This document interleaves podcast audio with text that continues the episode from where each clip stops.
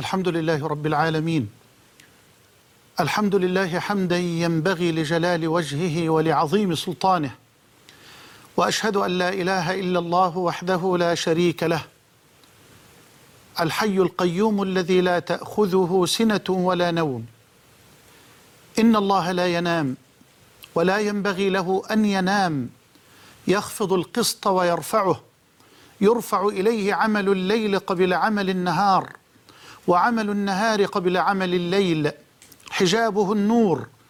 لو كشفه لأحرقت سبحات وجهه ما انتهى إليه بصره من خلقه. سبحانه سبحانه سبحانه. لا ضد له ولا ند له ولا والد له ولا ولد له. قل هو الله أحد الله الصمد لم يلد ولم يولد ولم يكن له كفوا أحد. وأشهد أن سيدنا وحبيبنا محمدا عبده ورسوله وصفيه وخليله أدى الأمانة وبلغ الرسالة ونصح للأمة فكشف الله به الغمة وعبد ربه حتى لبى داعيه وجاهد في سبيله حتى أجاب مناديه وعاش طوال أيامه ولياليه يمشي على شوك الأسى ويخطو على جمر الكيد والعنت يلتمس الطريق لهداية الضالين وإرشاد الحائرين حتى علم الجاهل وقوم المعوج وأمن الخائف وطمأن القلق ونشر أضواء الحق والخير والتوحيد والإيمان كما تنشر الشمس ضياءها في وضح النهار. رافع الإصر والأغلال الداعي إلى خير الأقوال والأعمال والأحوال خير الأنبياء مقاما. وأحسن الأنبياء كلاما لبنة تمامهم ومسك ختامهم البشير النذير السراج المزهر المنير رحمة الله لجميع العالمين. قال سبحانه وما أرسلناك إلا رحمة للعالمين اللهم صل وسلم وزد وبارك عليه وعلى آله وأصحابه وأحبابه وأتباعه وعلى كل من اهتدى بهديه. واستنى بسنته وقتفى أثره إلى يوم الدين. أما بعد فحياكم الله جميعا أيها الإخوة الفضلاء وأيتها الأخوات الفاضلات وطبتم وطاب سعيكم وممشاكم وتبوأتم من الجنة منزلا وأسأل الله جل وعلا الذي جمعني مع حضراتكم في هذه الليلة الكريمة المباركة على طاعته أن يجمعنا في الآخرة مع سيد الدعاه وإمام الهدى ومصباح الدجى الإمام الأعظم والرسول الأكرم محمد صلى الله عليه وسلم مع أصحابه في جنات النعيم إنه ولي ذلك والقادر عليه. أيها الأحبة لا حاضر لأمة تجهل ماضيها ولا مستقبل لأمة تنسى فضائلها. وإذا كان الوقوف على الماضي لمجرد البكاء والنحيب والعويل فحسب شأن الفارغين العاطلين فإن ازدراء الماضي بكل ما فيه من خير ونور شأن الحاقدين الجاهلين. ولقد حاول أعداؤنا بكل سبيل أن يضعوا الحواجز والعقبات والعراقيل والسدود بين الأمة وبين ماضيها المشرق المجيد حتى لا تستمد الأمة من هذا الماضي نورا يضيء لها الطريق. وحتى لا تقبس الأمة من هذا الماضي شعلة لتوقد لها شموس الحياة. وحتى لا تستلهم الأمة من هذا الماضي دماء زاكية طاهرة لتتدفق من جديد في عروق المستقبل والأجيال. في الوقت الذي تعتز فيه كل أمم الأرض بتاريخها وتفخر برجالها وأبنائها وإن أحق أمم الأرض بهذا الاعتزاز والفخار بجدارة واقتدار أمة نبينا المختار بشهادة العزيز الغفار قال سبحانه كنتم خير أمة أخرجت للناس وخيرية الأمة ليست ذاتية ولا عرقية ولا عصبية ولا قومية ولكنها خيرية مستمدة من إيمانها بربها ونبيها مستمدة من هذه الرسالة التي شرفت الأمة بحملها إلى الناس أجمعين. نعم لقد أنجبت الأمة المحمدية الميمونة على طول تاريخها رجالا ونساء. سيظل التاريخ يقف أمام سيرهم العطرة وقفة إعزاز وإجلال وإكبار بل وانبهار. ومن العسير أن نحصر عدد هؤلاء أو أن نقف على أعدادهم بدقة. لأنهم عمر الزمن ونبض الحياة. ومن المحال أن نحسب أنفاس الزمن أو أن نقدر نبض الحياة. فتعالوا بنا. دون أن أطيل في المقدمة. لأننا الليلة على موعد مع رجل مهيب. تعالوا بنا. سريعا سريعا. لنمضي الليلة مع رجل من طراز فريد.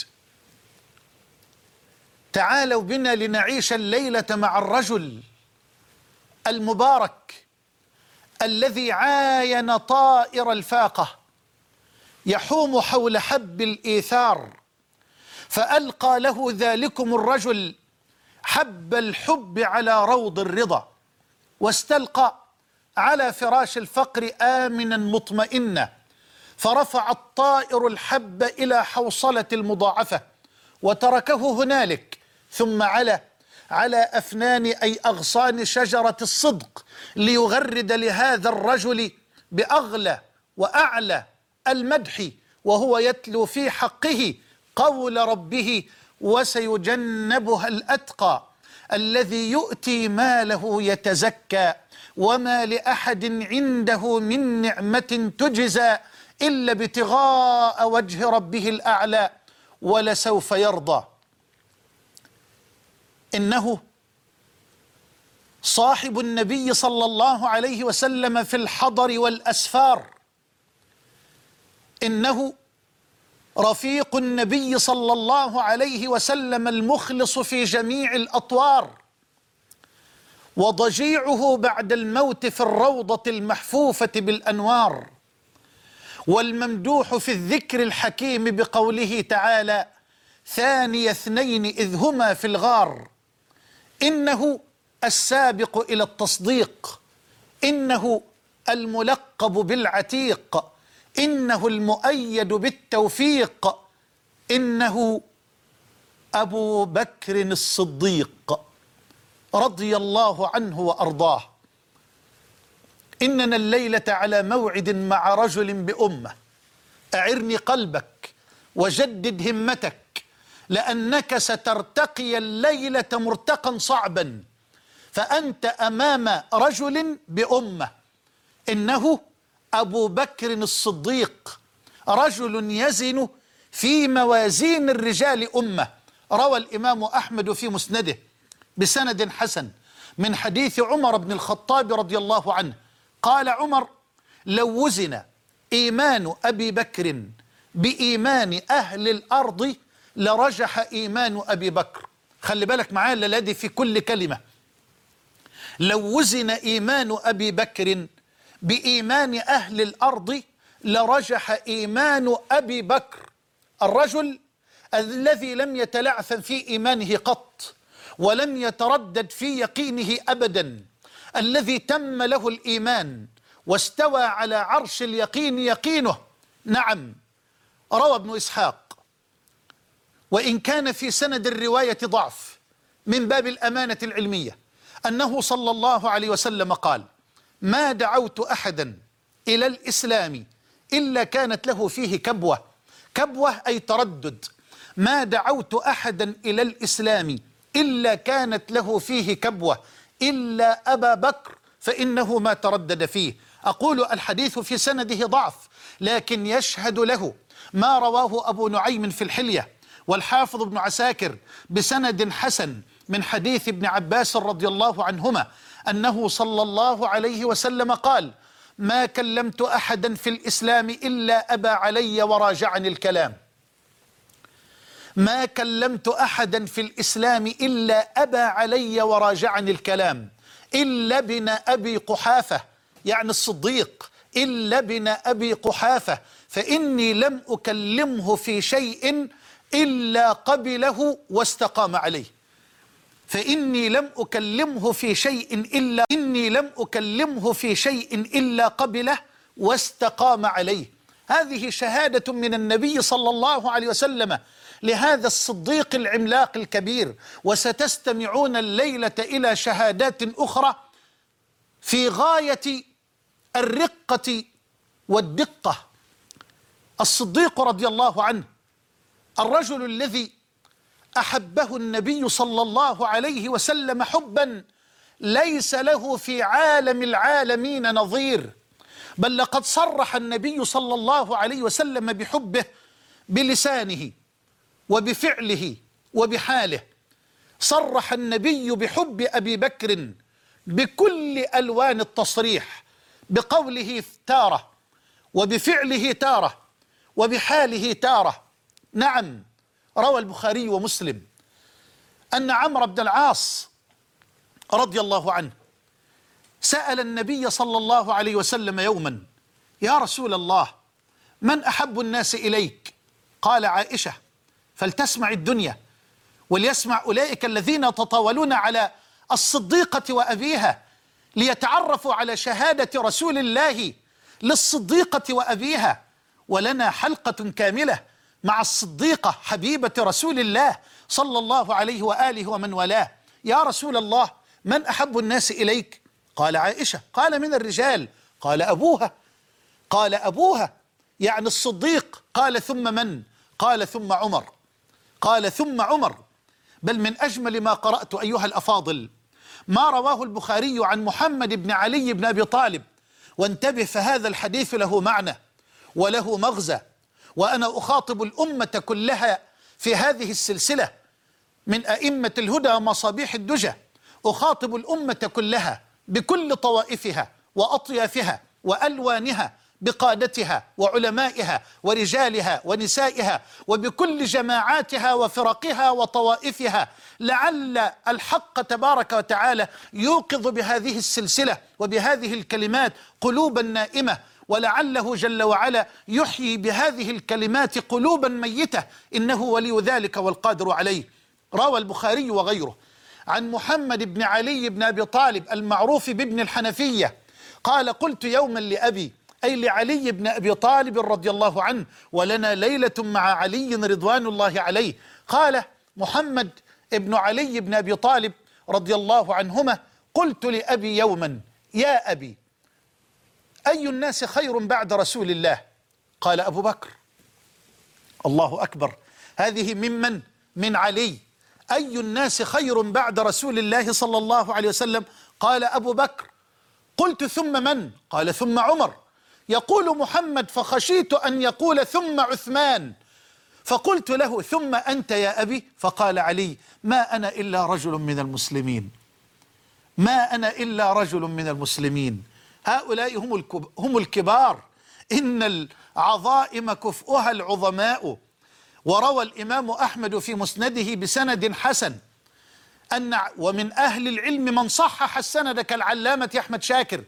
أن عليا رضي الله عنه قال خير هذه الأمة بعد نبيها أبو بكر وعمر. قال الإمام الذهبي وهذا متواتر عن علي رضي الله عنه.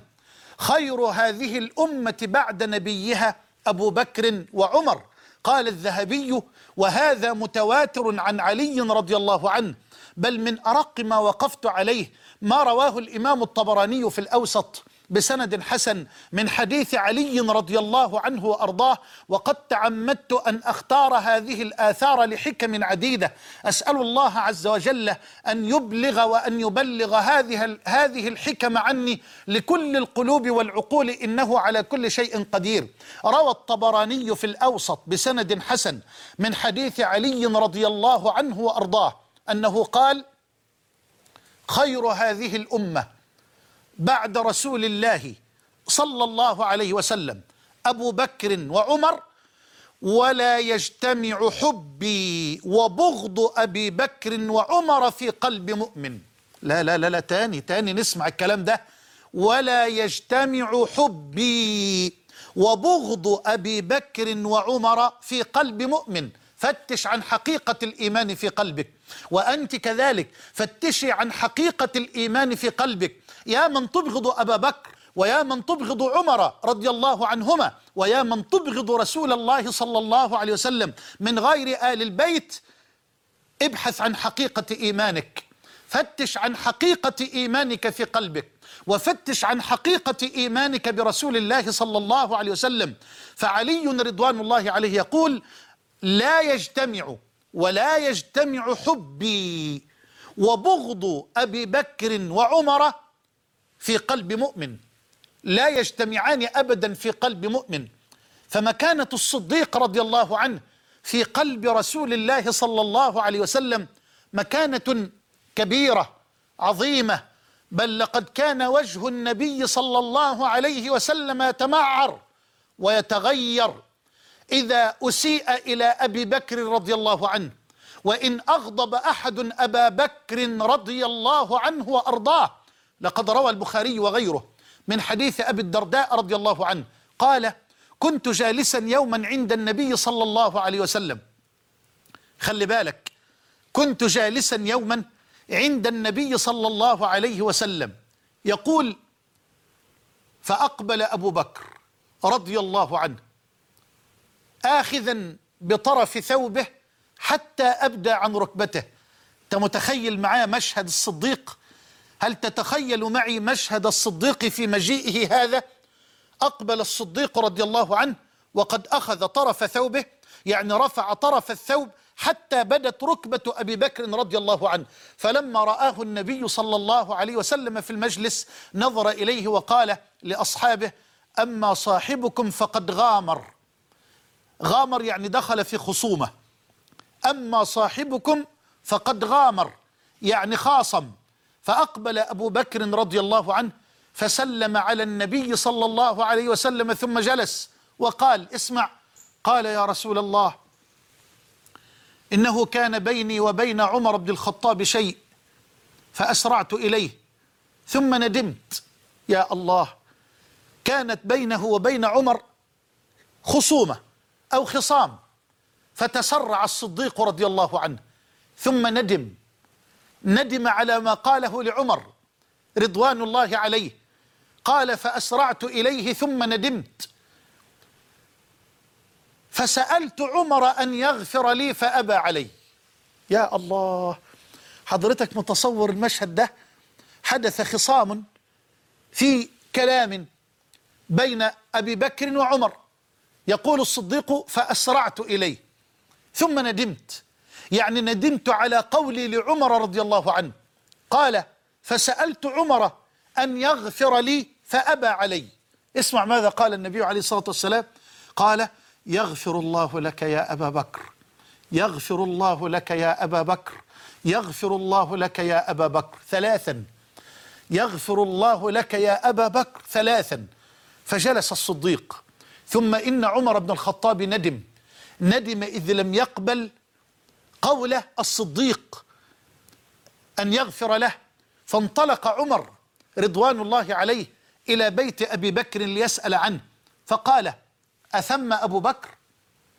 يعني أبو بكر موجود؟ فقال أهل بيته لا. فعلم عمر مكانه. لا مكان له إلا أن يجلس مع حبيبه صلى الله عليه وسلم. فانطلق عمر بن الخطاب رضي الله عنه إلى مجلس رسول الله صلى الله عليه وسلم فوجد الصديق جالسا إلى جوار رسول الله. اسمع فلما رأى رسول الله عمر تمعر وجهه جعل وجه النبي يتمعر يتمعر أن يتغير ويظهر عليه الغضب حتى أشفق أبو بكر على عمر رضي الله عنه. أي أشفق الصديق من غضب رسول الله صلى الله عليه وسلم على عمر فقام الصديق الصادق فجثى على ركبتيه وقال يا رسول الله أنا كنت أظلم أنا كنت أظلم. قالها مرتين أنا كنت أظلم أنا كنت أظلم. ومع ذلك لم يلتفت النبي إلى أبي بكر رضي الله عنه وإنما التفت إلى عمر وهو يوجه الحديث إليه بل إلى جميع الصحابة ويقول إن الله بعثني إليكم فقلتم كذبت وقال أبو بكر صدقت. وواساني بنفسه وماله. فهل أنتم تاركون لي صاحبي؟ فهل أنتم تاركون لي صاحبي؟ يقول أبو الدرداء فما أوذي بعدها. فما أوذي بعدها. أخاطب الأمة أخاطب الأمة كلها الآن. وأقول هل أنتم تاركون صاحب رسول الله صلى الله عليه وسلم؟ يا من تتطاولون على صديق الأمة. يا من تسيئون إليه. هل أنتم تاركون صاحب رسول الله صلى الله عليه وسلم إجلالا لرسول الله وتوقيرا لرسول الله وطاعة لأمره؟ هل أنتم تاركون لي صاحبي هل أنتم تاركون لي صاحبي هل أنتم تاركون لي صاحبي فما أوذي بعدها رضي الله عنه وأرضاه. أرجو أن تتصوروا معي مكانة الصديق في قلب النبي صلى الله عليه وآله وسلم.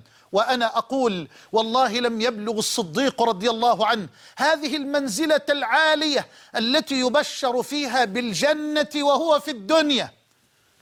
أنتم مستوعبين الكلمة دي؟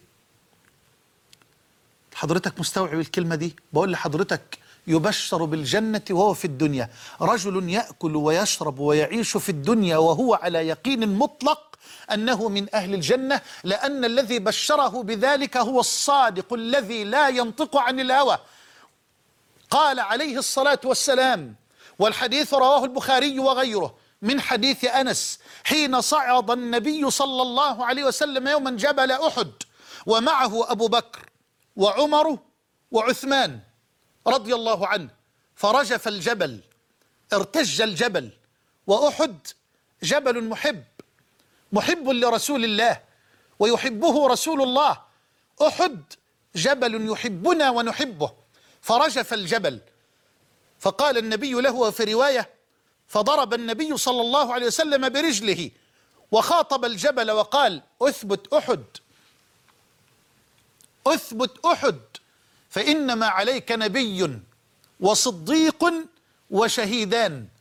فإنما عليك نبي وهو المصطفى صلى الله عليه وسلم وصديق وهو أبو بكر وشهيدان وهما عمر وعثمان رضي الله عن جميع أصحاب رسول الله صلى الله عليه وآله ومن والاه. أثبت أحد فإنما عليك نبي وصديق وشهيدان. فيبشره رسول الله بمرتبة الصديقية وهي المرتبة التي تلي مباشرة مرتبة النبوة والرسالة. فأولئك مع الذين أنعم الله عليهم من النبيين والصديقين. المرتبة الثانية بعد مرتبة النبوة والرسالة. وفي رواية الترمذي وغيرها وفي رواية الترمذي وعند غير الترمذي أيضا بسند صحيح. من حديث عبد الرحمن بن عوف رضي الله عنه اسمع أنه صلى الله عليه وسلم قال أبو بكر في الجنة وعمر في الجنة وعثمان في الجنة وعلي في الجنة وطلحة في الجنة والزبير بن العوام في الجنة وعبد الرحمن بن عوف في الجنة وسعد بن أبي وقاص في الجنة وسعيد بن زيد في الجنة وأبو عبيدة بن الجراح في الجنة. أولئك العشرة الذين بشرهم رسول الله بالجنة. وهناك من بشره رسول الله صلى الله عليه وسلم زيادة على هؤلاء الفضلاء. وددت أن لو وقفت مع كل من بشر بالجنة من رسول الله صلى الله عليه وسلم. أبو بكر في الجنة. أعجب. لأناس يتطاولون على رجل حط رحاله في الجنة. بشهادة الصادق الذي لا ينطق عن الهوى. أبو بكر في الجنة. أقول والله ما ارتقى الصديق رضي الله عنه إلى هذا المرتقى وما بلغ هذه المكانة. إلا حين تم إيمانه واستوى على عرش اليقين يقينه وحين لم يدع سبيلا من سبل الخير إلا وأسرع إليه كالريح المرسلة. ليس بأمانيكم ولا بأماني أهل الكتاب. من يعمل سوءا يجز به دعك من الأماني دعك من الأماني بل ترجم حقيقة إيمانك في قلبك. وحقيقة إقرارك بلسانك إلى عمل إلى واقع. فالإيمان قول واعتقاد وعمل. قول باللسان واعتقاد بالجنان وعمل بالجوارح والأركان. أولما أصابتكم مصيبة قد أصبتم مثليها قلتم أن هذا قل هو من عند أنفسكم. لم يبلغ الصديق هذا الأمر إلا بإيمان وقر في قلبه وترجمته أعماله وأقواله وأفعاله وأحواله. نعم يقول شيخنا ابن القيم رحمه الله اعلم أن الأعمال تتفاضل عند الله جل وعلا بتفاضل ما في القلوب لا بكثرة الأعمال وصورها. اعلم أن الأعمال تتفاضل عند الله جل وعلا بتفاضل ما في القلوب لا بكثرة الأعمال وصورها. نعم بهذا سبق الصديق رضي الله عنه وتبوأ ذروة سنام الصديقية رضي الله عنه. بل أعجب أن الذي شهد له بكمال وتمام الإيمان هو رسول الله صلى الله عليه وسلم. روى البخاري ومسلم. من حديث أبي هريرة رضي الله عنه أنه صلى الله عليه وسلم قال يوما في مجلس لا يوجد فيه أبو بكر ولا عمر. يقص النبي صلى الله عليه وسلم أمرا وقع فيقول بينما راع يرعى غنمه إذ عدا ذئب على الغنم فأخذ منها شاة. رجل بيرعى الأغنام فهجم ذئب على الغنم فاختطف شاة من الغنم وجرى فطلبه الراعي. يعني لم يترك الراعي الذئب يهرب بشاته وإنما جرى الراعي وراء الذئب ليخلص شاته من الذئب. فقعد الذئب على مؤخرته ونظر إلى الراعي وقال له وقال له فمن لها يوم السبع؟ فمن لها يوم السبع؟ يوم ليس لها راع غيري. يوم ليس لها راع غيري ذلك في آخر الزمان في عهد عيسى على نبينا وعليه الصلاة والسلام. حين تنزل البركة إلى الأرض وترعى الذئاب مع الأغنام فالذئب يقول فمن لها يوم السبع؟ يوم ليس لها راع غيري. فقال الناس سبحان الله. يعني تعجب الناس ذئب يتكلم. اسمع ماذا قال الصادق قال إني أؤمن بهذا أنا وأبو بكر وعمر.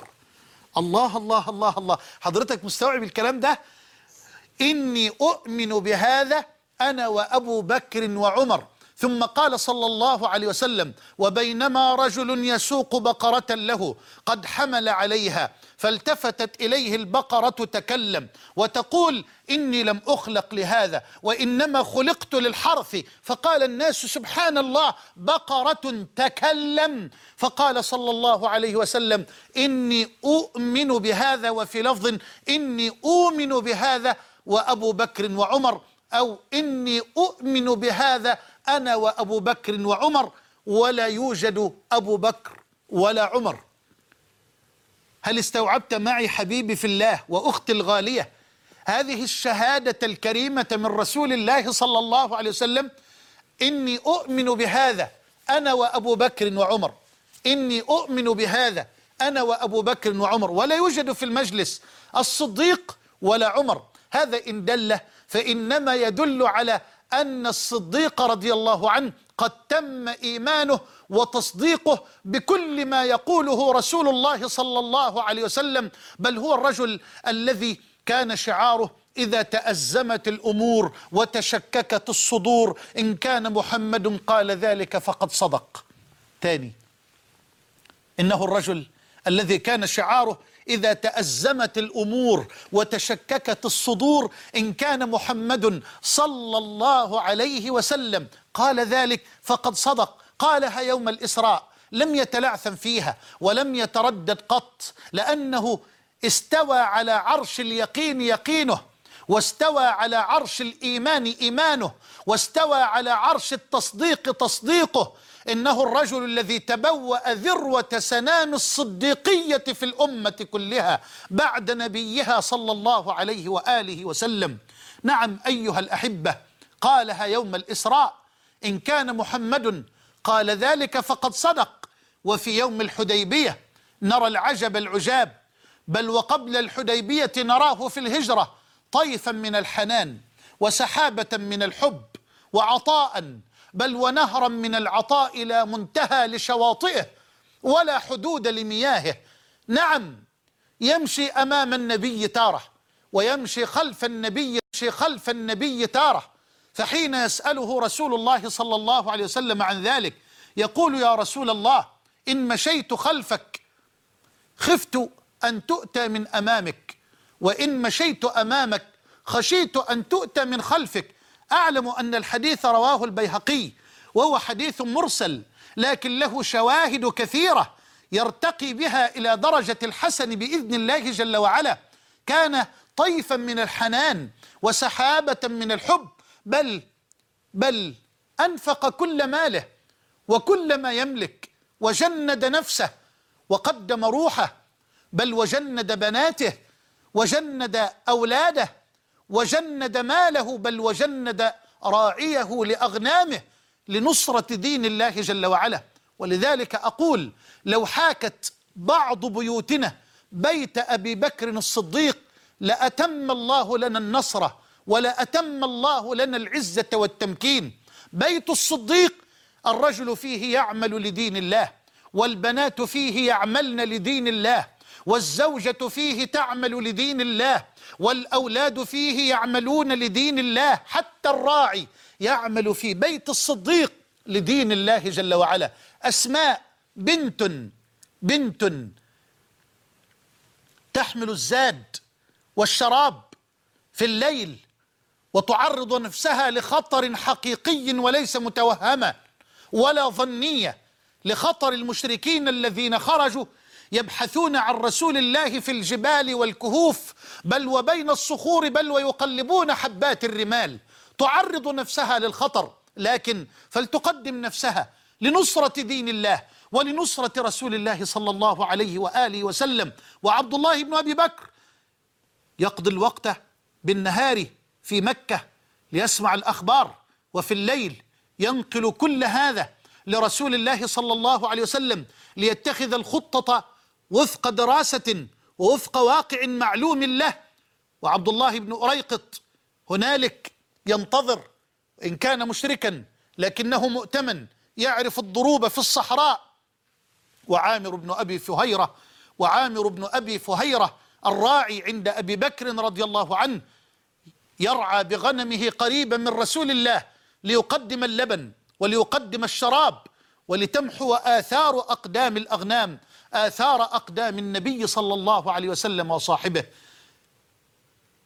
الصديق رضي الله عنه يقول في رواية البراء بن عازب في الصحيحين في صحيح البخاري ومسلم يقول في يوم الهجرة ارتحلنا من مكة فسرنا ليلتنا ويومنا حتى وصلنا في وقت الظهيرة. وقد قام قائم الظهيرة يعني اشتد الحر في صحراء مقفرة. تكاد أشعة الشمس التي انعكست على الرمال أن تخطف الأبصار.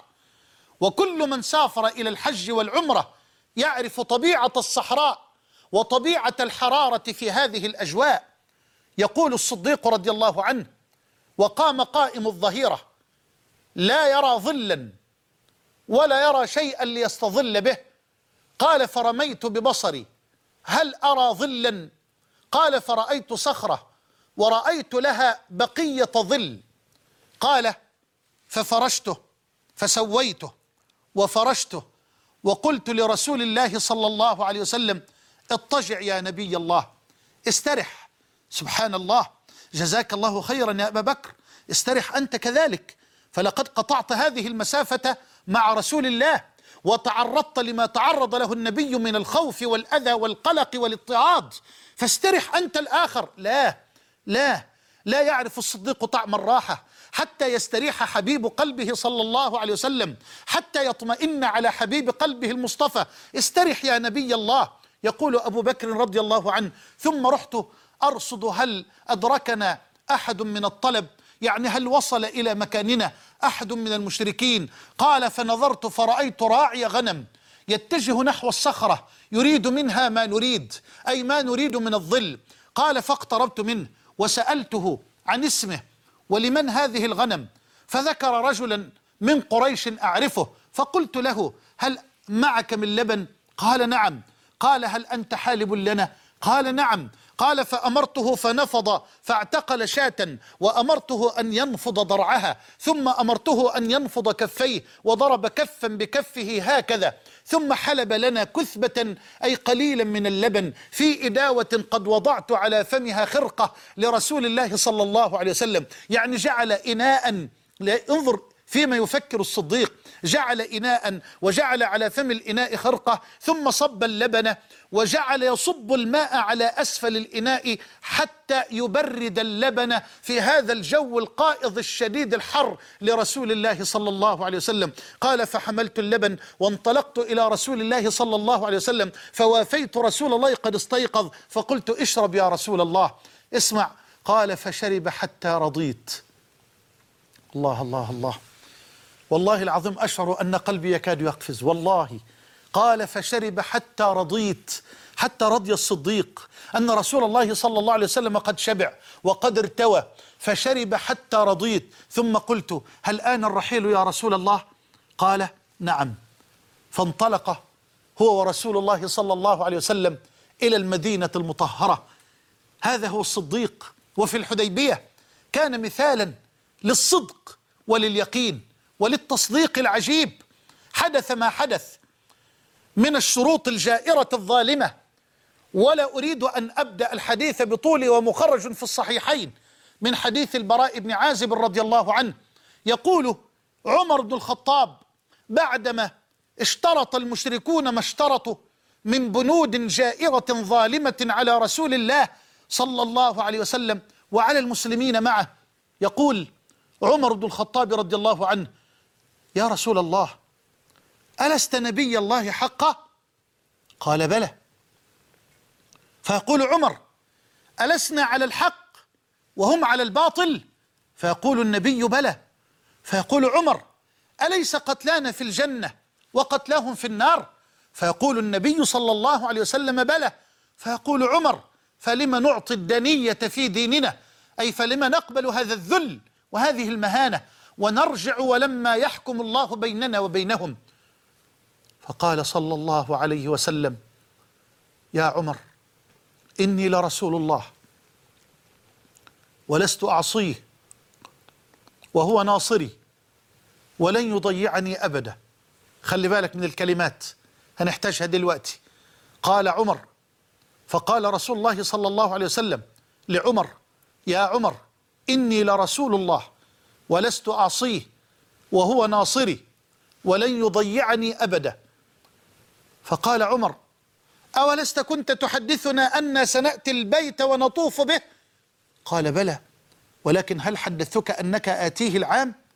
أنك ستأتيه العام؟ قال لا. فقال صلى الله عليه وسلم فإنك آتيه ومطوف به. يقول عمر فتركت رسول الله وذهبت إلى أبي بكر. لاحظ لم يكن أبو بكر مع النبي صلى الله عليه وسلم. لم يكن أبو بكر مع النبي صلى الله عليه وسلم. فتركت رسول الله وأتيت أبا بكر أو وذهبت إلى أبي بكر رضي الله عنه. فقلت يا أبا بكر أليس هذا نبي الله حقا؟ فقال الصديق بلى. فقال عمر ألسنا على الحق وهم على الباطل؟ فقال الصديق بلى. فقال عمر أليس قتلانا في الجنة وقتلاهم في النار؟ فقال الصديق بلى. فقال عمر فلما نعطي الدنية في ديننا؟ لما نقبل هذا الذل والمهانة؟ ونرجع ولما يحكم الله بيننا وبينهم. فقال الصديق اسمع انتبه.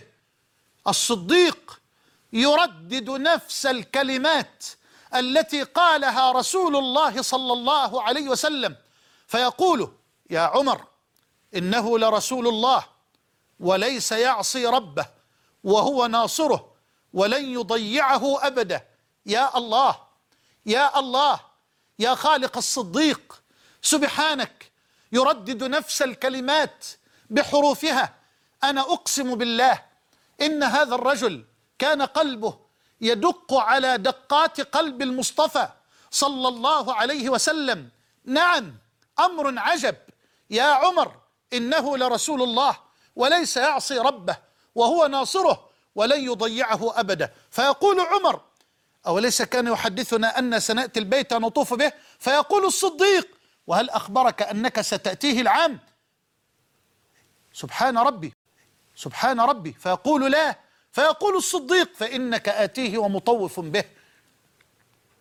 ثم يقول عمر ثم يقول الصديق لعمر أيها الرجل أيها الرجل إلزم غرزة إلزم أثر رسول الله ودربه وطريقة إلزم غرزة فإنه على الحق.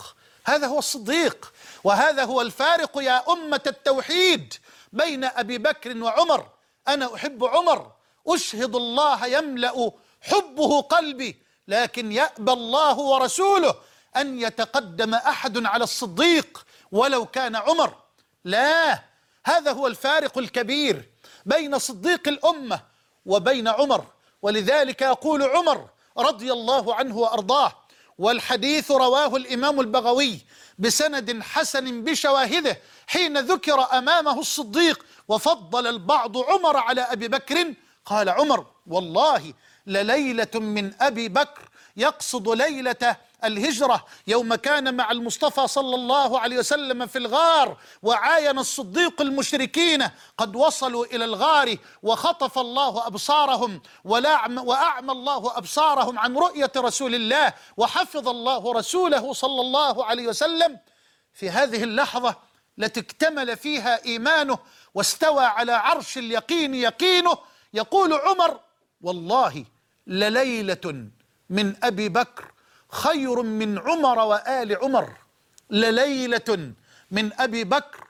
خير من عمر وآل عمر. نعم يأبى الله ورسوله أن يتقدم أحد. قالها رسول الله بغضب وبصوت مرتفع وبانفعال حين تقدم عمر في مرض النبي صلى الله عليه وسلم ليصلي إماما بالمسلمين. وفيهم صديق الأمة الأكبر قال رسول الله يأبى الله ورسوله لا يتقدم أحد على صديق الأمة أبدا رضي الله عنه وأرضاه. أيها الأفاضل سامحوني على سرعة الطرح والإلقاء لأن الموضوع جليل ولأن البستان يانع ماتع حافل بالزهور والورود. انتقل معي على وجه السرعة إلى هذا اليوم العصيب الرهيب. إلى هذا اليوم الذي نام فيه المصطفى صلى الله عليه وسلم على فراش الموت. يا الله كان يوما عصيبا على الصحابة وعلى الأمة كلها. والله لقد أظلم كل شيء في المدينة كما أضاء كل شيء فيها حين هاجر إليها صلى الله عليه وسلم. وهذا من نفيس كلام أنس بن مالك رضي الله عنه في هذا اليوم العصيب. طاشت العقول طاشت العقول الكبيرة طاشت العقول الراجحة. نعم توعد عمر بن الخطاب كل من زعم أن رسول الله قد مات بالقتل أن يضربه بسيفه. وقال كلماته رسول الله ما مات بل ذهب للقاء ربه كما ذهب موسى بن عمران. انظروا لتقفوا على الفرق الكبير بين الصديق وعمر. بين أبي بكر وعمر رضي الله عنهما حتى تعرف الأمة قدر أبي بكر رضي الله عنه لأن الصديق قد ظلمت سيرته وظلم تاريخه من العلماء ومن الدعاة ومن طلبة العلم ومن المسلمين. ربما لأنه جاء بعد المصطفى وعسير على أي أحد أن يسد الفراغ الذي سيتركه رسول الله وحبيب الله وخليل الله صلى الله عليه وآله ومن والاه. لكن شاء الله جل وعلا أن يجعل الصديق رضي الله عنه قائدا لهذه السفينة وسط هذه الرياح الهوجاء والأمواج المتلاطمة والعظائم كفؤها العظماء. والصديق رضي الله عنه اصطفاه الله واختاره يوم اصطفى النبي صلى الله عليه وسلم لنبوته ورسالته ليكون صاحبه ووزير صدقه ومشيره الصادق الوفي الأمين. نعم مات رسول الله وطاش عقل عمر وطاش عقل علي وطاش عقل عثمان منهم من عقر ومنهم من أخرس لسانه ومنهم من طاش عقله ومنهم من قال كلاما غريبا كقول عمر. رسول الله ما مات مع أنهم يقرؤون القرآن. لكن للمصيبة هولا على العقول والقلوب. لكن للمصيبة هولا على العقول والقلوب. وأي مصيبة؟ موت رسول الله صلى الله عليه وآله وسلم. يا الله يقول عمر هذا ويجلس علي في الأرض لا يستطيع الحركة ولا ينطق عثمان. ويطيش عقله والآخر. يأخذ الناس بيده فيتحرك معهم هنا وهناك وهو لا يدري. وكان الصديق رضي الله عنه قد استأذن رسول الله أن يذهب إلى بيته بالسنح في أعلى المدينة. فلما سمع الخبر عاد الصديق رضي الله عنه وقد رأى الجموع الملتهبة حول المسجد النبوي والحجرات الشريفة تصرخ وتبكي. وعمر بن الخطاب يقول رسول الله ما مات إلى آخر كلامه واقتحم هذه الجموع الباكية الملتهبة أبو بكر الصديق رضي الله عنه ودخل حجرة عائشة وتحقق من الأمر. نعم لقد وقعت المصيبة لقد مات رسول الله بالفعل. نعم رسول الله على فراشه لا يستقبل صاحبه كما كان يفعل بالأمس القريب. ويكشف الصديق الغطاء عن وجهه الأزهر الأنور ويخر على ركبتيه ويقبل رأس جبينه صلى الله عليه وسلم ويقول كما في رواية الصحيحين أما الموتة التي كتبها الله عليك فقد ذقتها فلا ألم عليك بعد اليوم يا رسول الله. أما الموتة التي كتبها الله عليك فقد ذقتها فلا ألم عليك بعد اليوم يا رسول الله؟ ويخرج الصديق رضي الله عنه وينادي على عمر على رسلك يا عمر انتظر يا عمر. فلما رأى الناس الصديق يريد أن يتكلم التف الناس حول أبي بكر رضي الله عنه فحمد الله وأثنى عليه. ثم قال أيها الناس من كان يعبد محمدا فإن محمدا قد مات. ومن كان يعبد الله فإن الله حي لا يموت.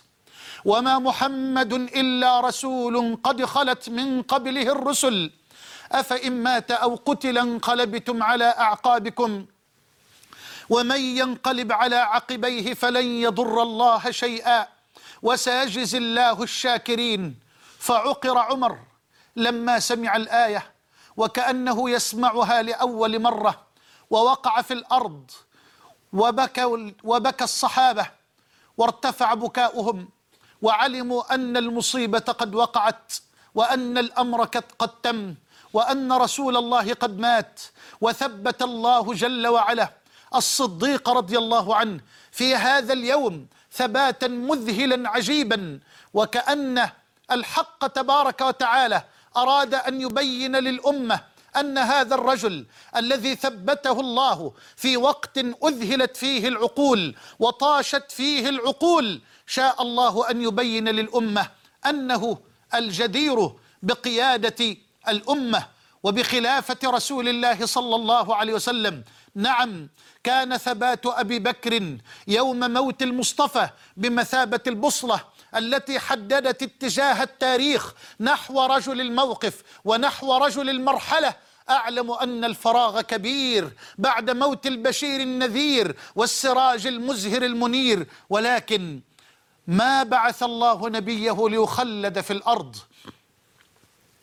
ما بعث الله محمدا ليبقى طوال الحياة؟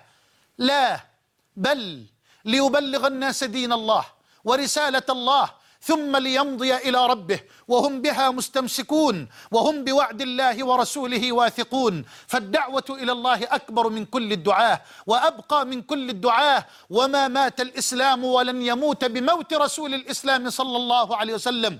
فالرسل والدعاة إلى الله يجيئون ويذهبون ويموتون. وتبقى دعوة الله خالدة على مر الأجيال والقرون. فلا تجعلوا ولاءكم لأشخاص الدعاة واجعلوا ولاءكم لله واجعلوا ولاءكم لدين الله لأن أشخاص الدعاة إلى زوال فليكن ولاؤنا لربنا ولنبينا ولدين الله سبحانه وتعالى.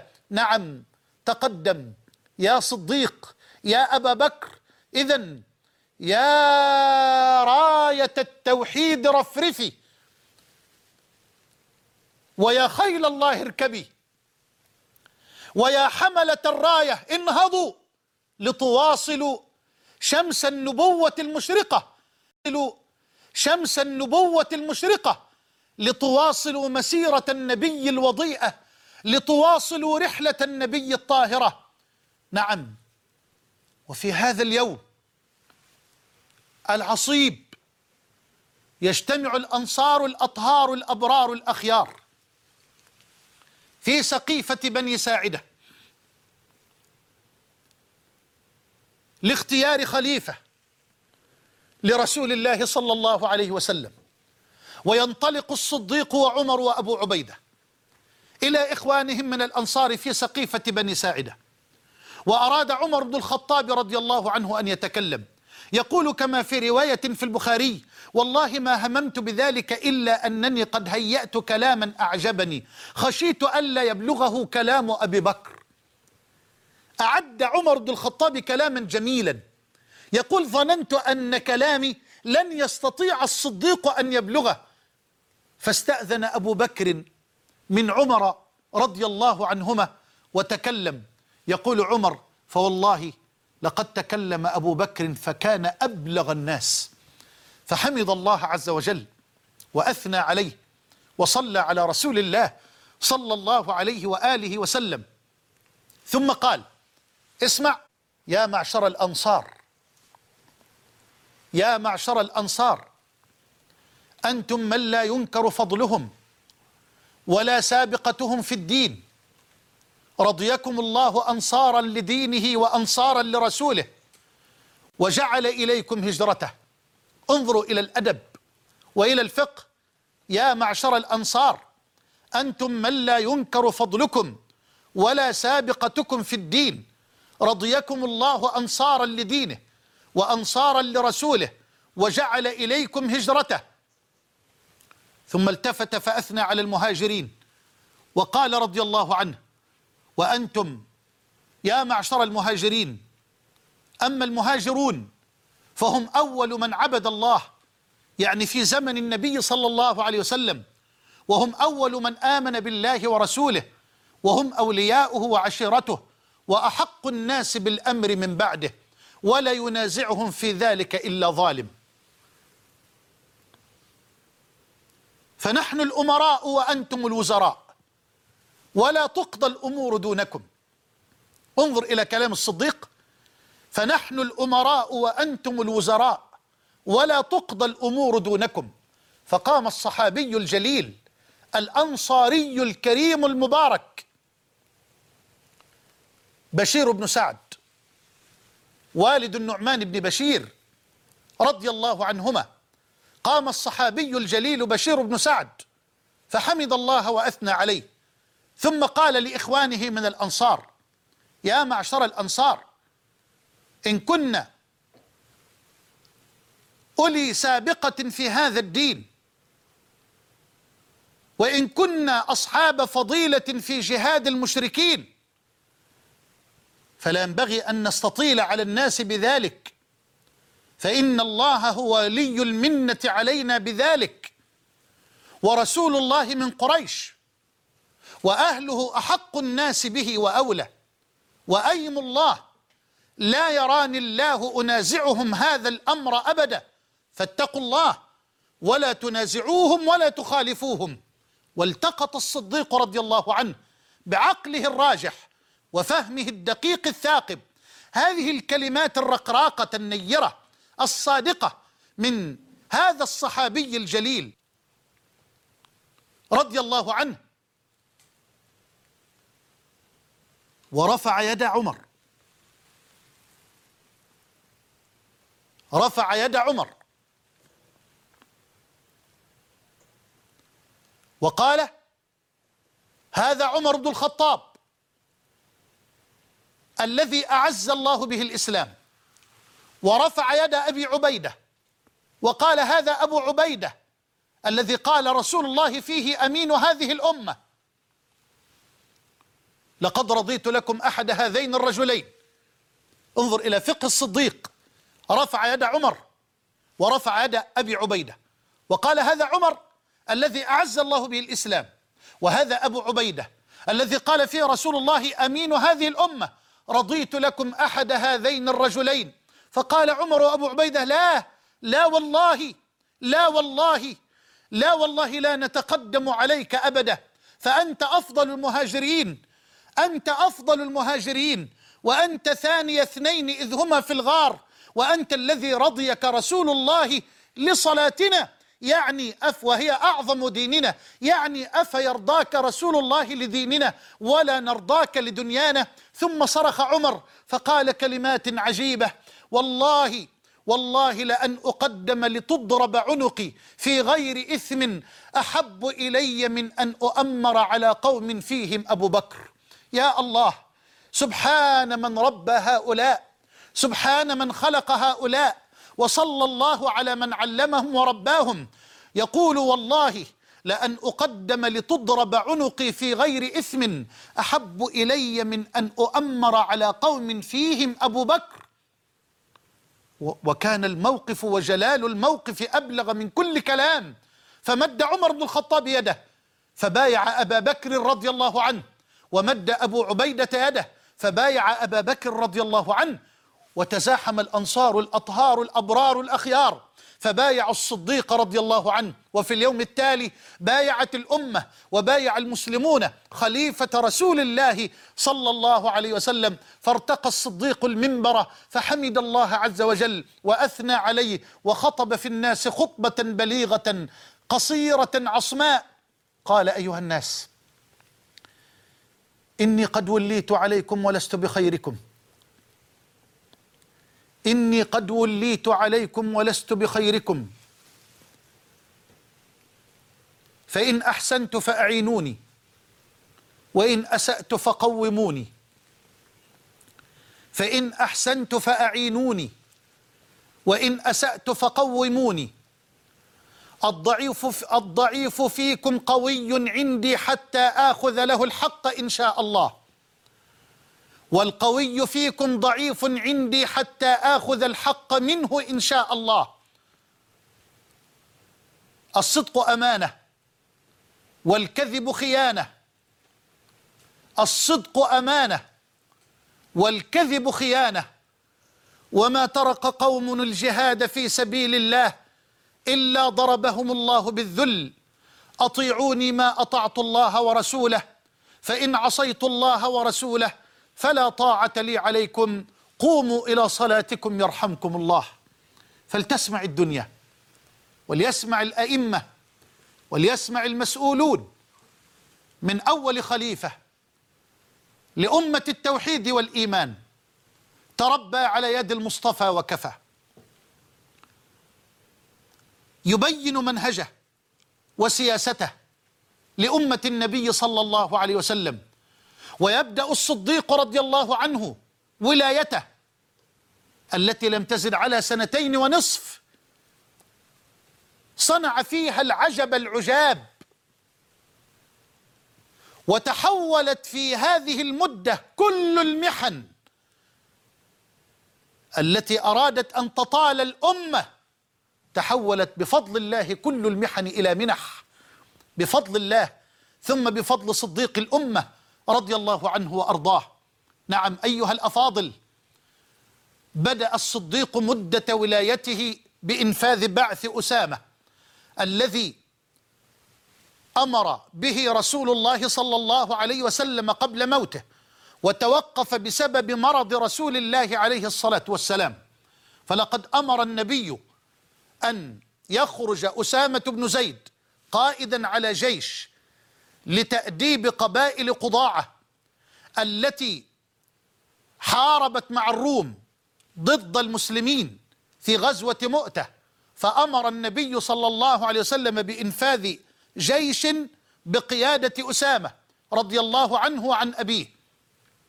لكن الجيش توقف على أطراف المدينة حينما سمعوا بخبر مرض رسول الله صلى الله عليه وسلم ومات المصطفى والجيش في أطراف المدينة لم يغادر حدودها. فبدأ الصديق مدة ولايته بإنفاذ بعث أسامة. وقال كلماته الجميلة والله لو تخطفتني الذئاب لأنفذت بعث أسامة. والله لو تخطفتني الذئاب لأنفذت بعث أسامة. والله لو تخطفتني الذئاب لأنفذت بعث أسامة. وما كاد الجيش أن يتحرك إلا واشتعلت نار خطيرة كادت أن تدمر الأخضر واليابس كادت أن تلتهم وأن تطوق الدولة الصاعدة والأمة الجديدة الواعدة. إنها نار الردة إنها نار فتنة المرتدين. الردة التي أزاحت الأقنعة السوداء عن وجوه كثيرة. الردة التي أظهرت ما تحمله الصدور من حقد دفين. الردة التي كانت سببا في تقيؤ الكثيرين لهذا الحقد الذي كان في الصدور لسنوات طويلة حين اشتد الإسلام وقوي عوده. نعم. ظهر من ادعى النبوة. وارتد كثير من الناس بعد موت رسول الله ومنعوا الزكاة وقالوا كنا نؤديها لرسول الله ومات رسول الله ولن نؤديها لأحد بعده.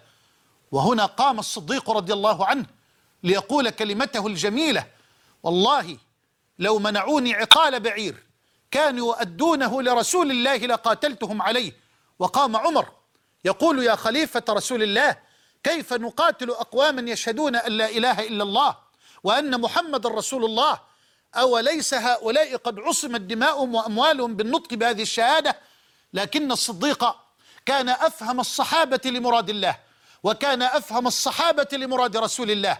نعم بنص الحديث في الصحيحين من حديث أبي سعيد الخدري رضي الله عنه لما ارتقى النبي المنبر قبل موته وقال إن عبدا من عباد الله خيره الله بين أن يؤتيه من زهرة الدنيا ما شاء وبين ما عند الله فاختار ما عند الله.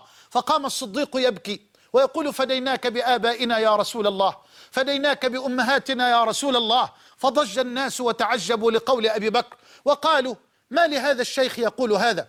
رسول الله يحدث أو يتحدث عن رجل مخير بين ما عند الله وبين الدنيا فاختار ما عند الله. لكن الصديق كما يقول أبو سعيد كان أبو بكر أعلمنا بمراد رسول الله فلقد علم أن العبد المخير رسول الله صلى الله عليه وسلم. فقال النبي كلماته الجميلة على رسلك أبا بكر. ثم قال أيها الناس إن أمن الناس علي في صحبته وماله أبو بكر ولو كنت متخذا من العباد خليلا لاتخذت أبا بكر خليلا ولكن أخوة الإسلام ثم أمر النبي صلى الله عليه وسلم وقال فلتسد أو فلتغلق كل خوخة أي كل فتحة أو باب إلى المسجد إلا خوخة أبي بكر أو فليسد كل باب أي يطل على المسجد إلا باب أبي بكر رضي الله عنه.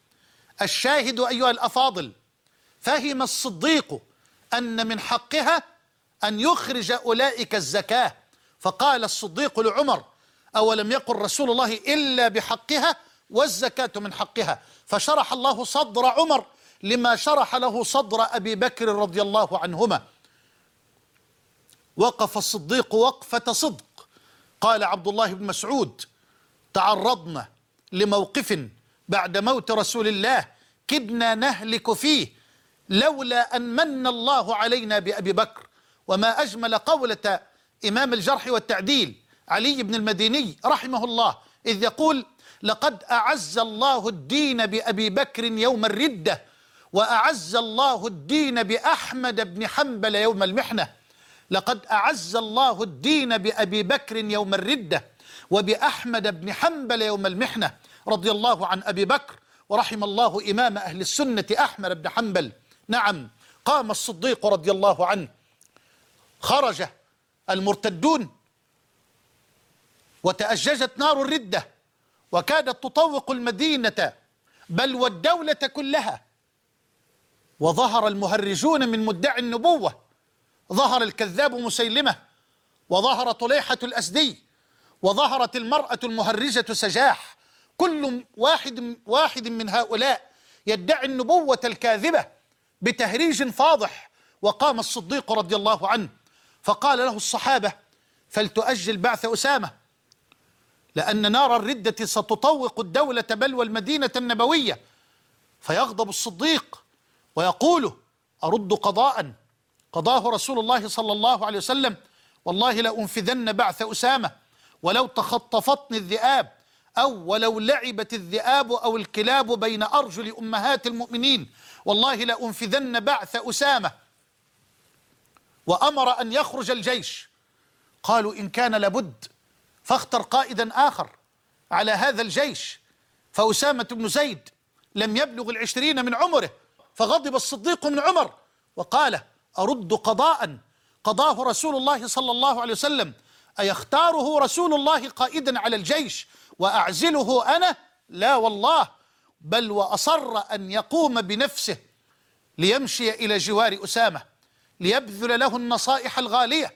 أسامة على جواده والصديق على الأرض يمشي على قدميه. فيقول أسامة المربى المهذب المؤدب يا خليفة رسول الله إما أن أترجل وإما أن تركب. إما أن تركب جوادا إلى جواري وإما أن أنزل لأمشي إلى جوارك لا يليق أن أكون راكبا وأنت خليفة رسول الله تمشي على قدميك فيقول الصديق وماذا علي أن أغبر قدمي ساعة في سبيل الله؟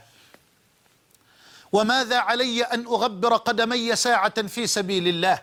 ويبذل النصائح الغالية لأسامة ولجيشه لا تغدروا ولا تخونوا لا تغدروا ولا تخونوا ولا تحرقوا نخلا ولا تقطعوا شجرة ولا تقطعوا شجرة مثمرة ولا تقتلوا طفلا ولا شيخا كبيرا ولا امرأة ولا تقتلوا طفلا فليسمع أهل الحضارة فلتسمع الحضارة المشؤومة المزعومة الغربية التي تسفك الدماء وتمزق الأشلاء وتتهم دين إمام الأنبياء بالتطرف والرجعية والإرهاب.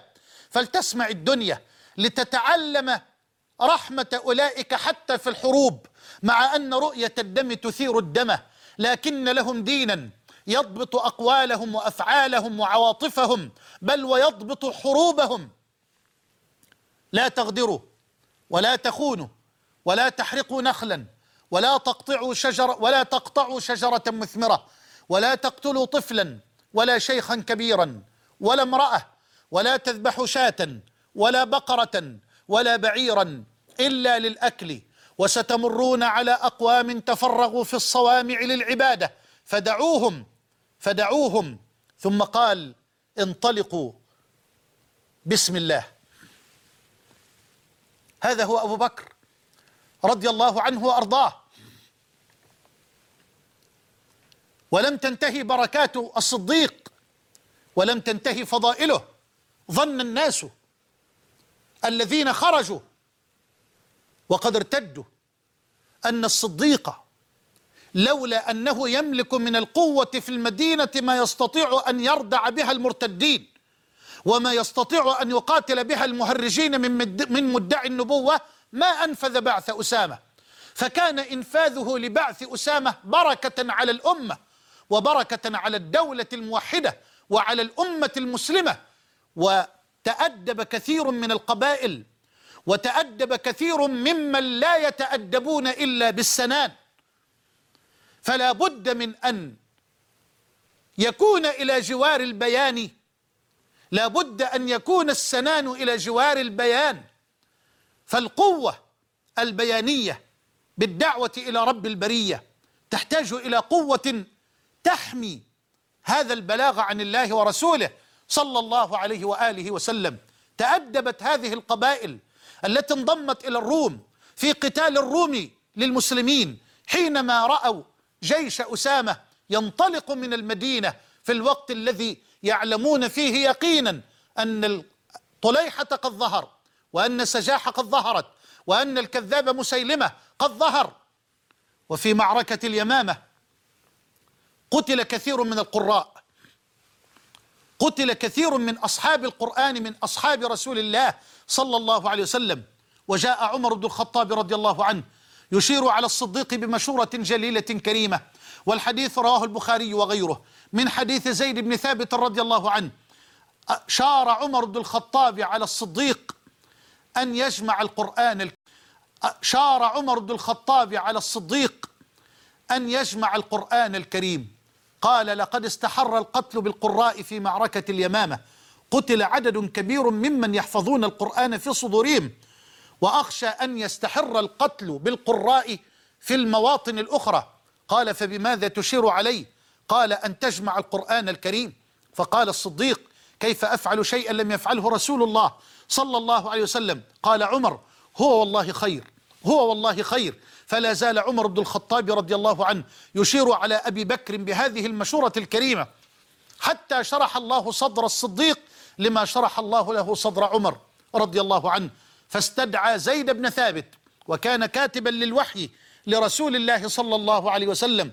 فقال الصديق له يا زيد إنك رجل شاب عاقل لا نتهمك. إنك رجل شاب عاقل لا نتهمك فتتبع القرآن فاجمعه. قال زيد والله لو كلفني نقل جبل من مكانه إلى آخر لكان أهول أهون علي مما كلفني به من جمع القرآن. قال فتتبعت القرآن أجمعه من العسب واللخاف والحجارة وصدور الرجال. فكانت الصحف عند أبي بكر ثم انتقلت الصحف إلى عمر رضي الله عنه ثم انتقلت الصحف إلى حفصة بعد موت عمر حتى أخذها وجمعها عثمان بن عفان وجعلها في المصحف الإمام كما سنتعرف بإذن الله تبارك وتعالى.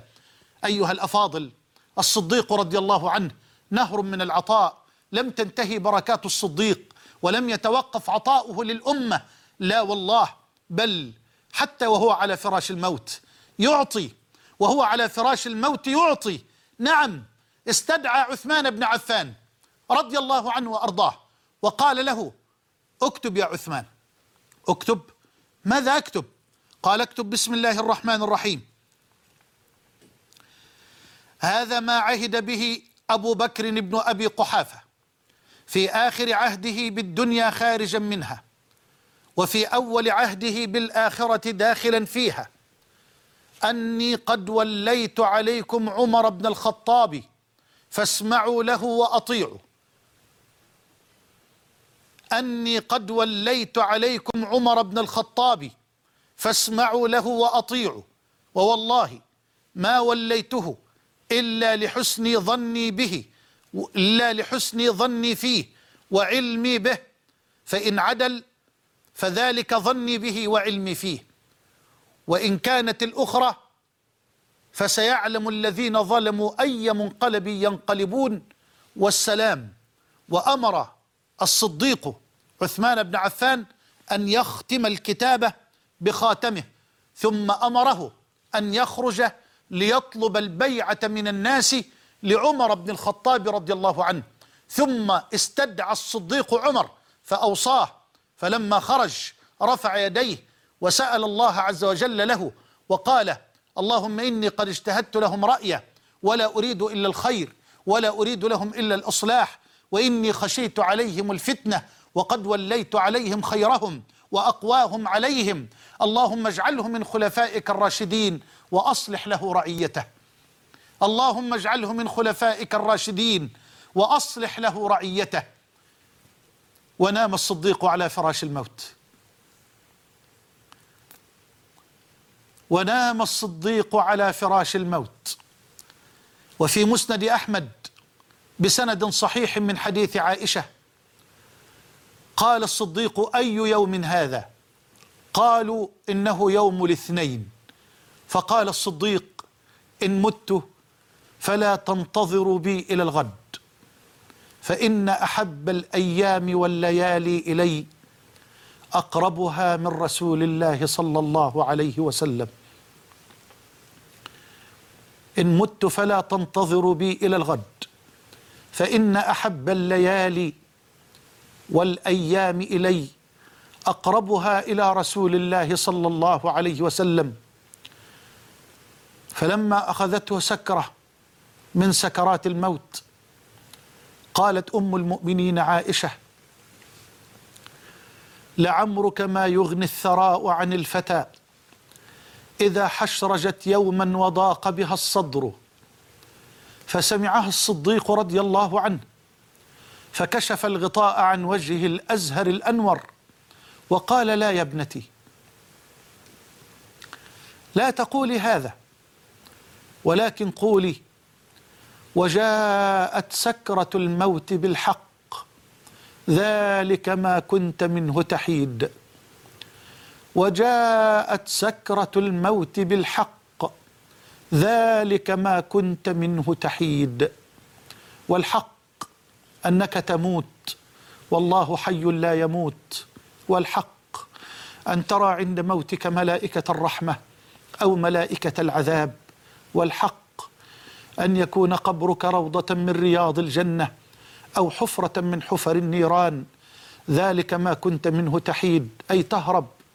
تحيد إلى الطبيب إذا جاءك المرض وتحيد إلى الطعام إذا أحسست بالجوع وتحيد إلى الشراب إذا أحسست بالظمأ. ثم ماذا؟ أيها القوي الفتي أيها الذكي العبقري يا أيها الكبير يا أيها الصغير يا أيها الأمير يا أيها الوزير يا أيها الفقير. كل باك فسيبكى وكل ناع فسينعى وكل مذخور سيفنى. وكل مذكور سينسى ليس غير الله يبقى. من علا فالله أعلى. ومات أبو بكر رضي الله عنه وأرضاه لينتقل من الدنيا إلى عالم البرزخ ليكون في جوار المصطفى صلى الله عليه وسلم ليكون أيضا رفيقه في جنات ونهر في مقعد صدق عند مليك مقتدر.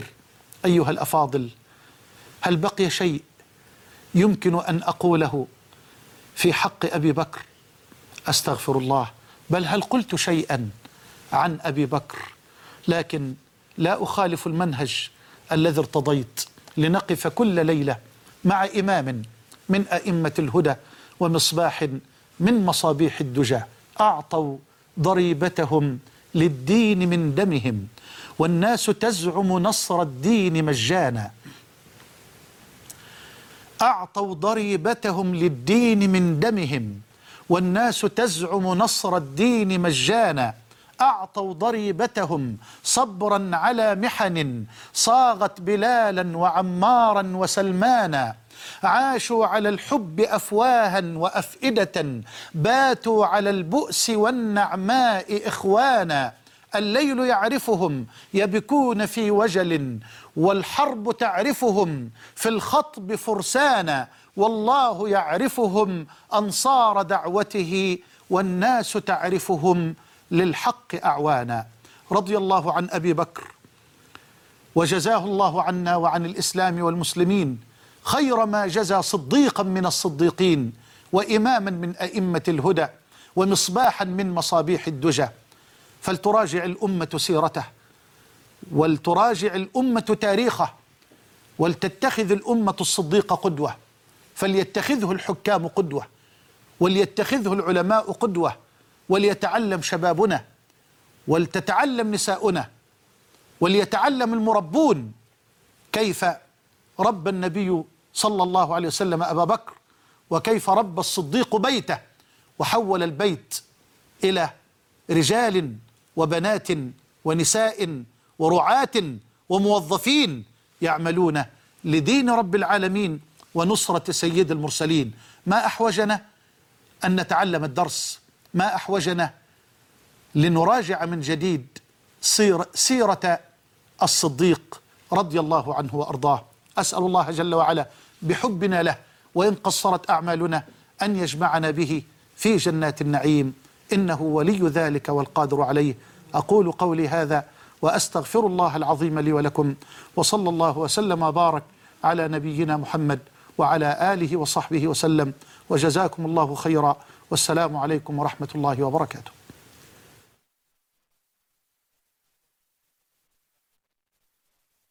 مصائب